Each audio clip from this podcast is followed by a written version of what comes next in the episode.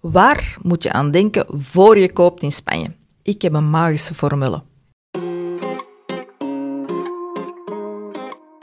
Welkom bij de podcast De Mailbox van Marleen. De podcast die antwoord geeft op al je vragen over vastgoed kopen en wonen in Spanje.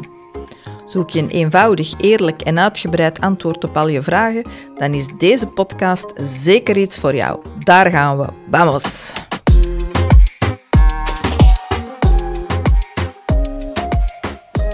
Nog maar net bedacht dat je een woning gaat kopen in Spanje, of ben je al veel verder in het proces en zie je het bos niet meer door de bomen, start dan je zoektocht naar een huis met na te denken over de volgende drie dingen.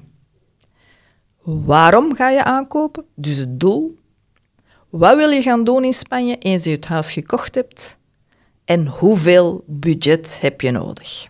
We beginnen met het doel van je aankoop. Er is een heel groot verschil tussen kopen om te genieten, kopen om te verhuren of kopen om te verhuizen. Bij genieten is het eenvoudigste. Alleen jij moet het leuk vinden. Dus degenen die mij al gezien hebben op social media, die weten, ik woon in het dorpje Cabo de Palos in Spanje. Wij wonen relatief klein, maar heel dicht bij zee en ik word er helemaal happy van als ik s'morgens naar de jachthaven kan gaan, daar mijn kopje koffie en mijn tostado con tomate kan eten. En zet mij absoluut niet op een berg. Daar kan ik voor hetzelfde geld een grote villa hebben, maar daar kan ik niet genieten. Dus genieten, dan moet je kiezen voor een woning en een locatie en je moet met niks anders rekening houden dan wat jij leuk vindt.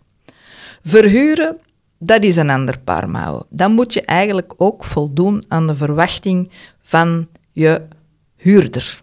Wil die graag een zwembad? Die wil zeker graag een zwembad. En wil die graag dicht bij zee zitten? Ja, die wil heel graag dicht bij zee zitten. En uh, als je wil verhuren, uh, is dat heel belangrijk voor jou? Want heb je een lening afgesloten en moet je dan hypotheek terugbetalen? Of is het gewoon een extra zakcentje dat je wil bijverdienen? Of wie gaat die verhuur organiseren? Ben je zelf handig met social media? Of heb je daar ook ondersteuning voor nodig? Uh, hoeveel tijd heb je om daar ermee bezig te zijn? In ieder geval, reken u daar niet rijk. En dan nummer drie, je gaat eventueel uh, verhuizen. Ja, dan is uw behoefte totaal anders dan op vakantie. Op vakantie wil je misschien wel elke dag naar zee. En wil je ook dat er allemaal leuke barretjes en restaurantjes in de buurt zijn en dat heel levendig is. Maar als je er gaat wonen, vind je dat misschien niet leuk. Wil je misschien ergens wonen waar het rustig is. En als je er zelf voor kiest, de drukte opzoeken. Als je iets koopt om te gaan wonen, is ook bergruimte plots belangrijk. Hè. In veel van die panden zijn de kasten niet zo groot. Maar als je verhuist, ja, in, in Spanje heb je ook wel eens een dikke jas nodig. Of bepaalde hobby's die je wil uh, dagdagelijks doen, die vragen ook ruimte. Dus het pand waar je definitief gaat wonen, ziet er anders uit dan het pand waar dat je vakantie gaat houden. Dus eerste ding, doel van je aankoop. Het tweede, wat ga je daar doen?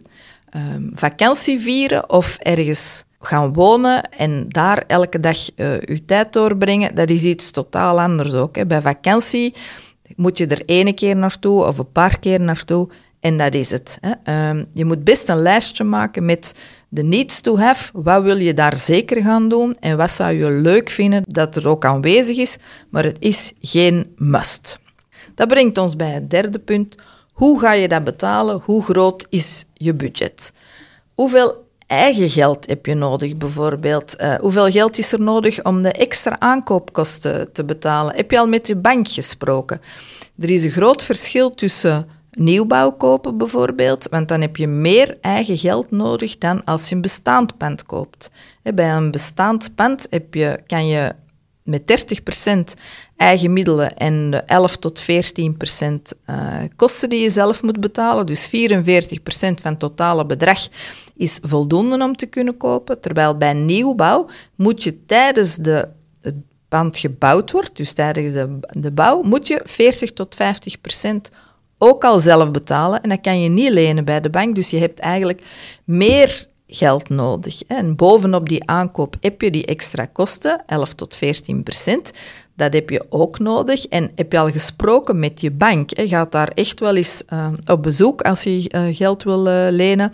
En hoeveel willen ze daadwerkelijk je lenen houden? Niet enkel je bezighouden met allerlei invulformuliertjes en modules die je kan vinden op website. Nee, nee, echt wel met die bank gaan spreken. Dus ik vat het even samen. Waar moet jij over denken? Dat is één Hoeveel eigen geld? Twee, wat ga je daar doen? En drie, wat is het doel van de aankoop? En nu, ik had u magische formule beloofd. Hoe zorg je er nu voor dat je die drie altijd in gedachten houdt? Dat is één, maak een lijstje van de needs to have en de nice to have. De needs, dat moet het pand zeker hebben. En de nice, dat is leuk meegenomen. En geef nu twee punten aan alle needs to have. Ja. En alle nice to have, die krijgen maar één punt. Dus als je panden beoordeelt op een website, je ziet een leuk pand en je gaat kijken, zover dat je dat natuurlijk kan afleiden uit de tekst, ga je kijken van, voldoet dat pand aan mijn to have. Bij mij was dat, het moet wandelafstand zee zijn en ik heb graag s'morgens de zon al op het terras. Dat waren eigenlijk mijn twee needs to have. Voor de rest had ik het niet. Voldoet ons huis eraan? Ja, wat vond ik een nice to have? Ja, als je boodschappen te voet kon uh, doen in de buurt, een bepaalde sport enzovoort. Als je je needs to have twee punten geeft en je nice to have uh, één punt geeft en je zegt dan elk pand dat ik weer houd moet minstens 5 op 10 hebben, dan ga je zien dat je al heel veel nice to haves moet hebben om aan die 5 op 10 te geraken, terwijl de needs to have toch altijd heel duidelijk uit dat, uit dat lijstje gaan voorkomen. Voilà. En denk er ook aan, je mag nog van gedachten veranderen. 50, 60 procent van de mensen die bij ons een pand komen kopen, die kopen een ander pand dan waarvoor ze oorspronkelijk dachten te komen. En dat noemden ze voortschrijdend inzicht. Er is niks mee, mis mee met ter plaatse vast te stellen dat jouw ingebeelde pand niet het pand is dat je echt wil kopen. Tot volgende keer.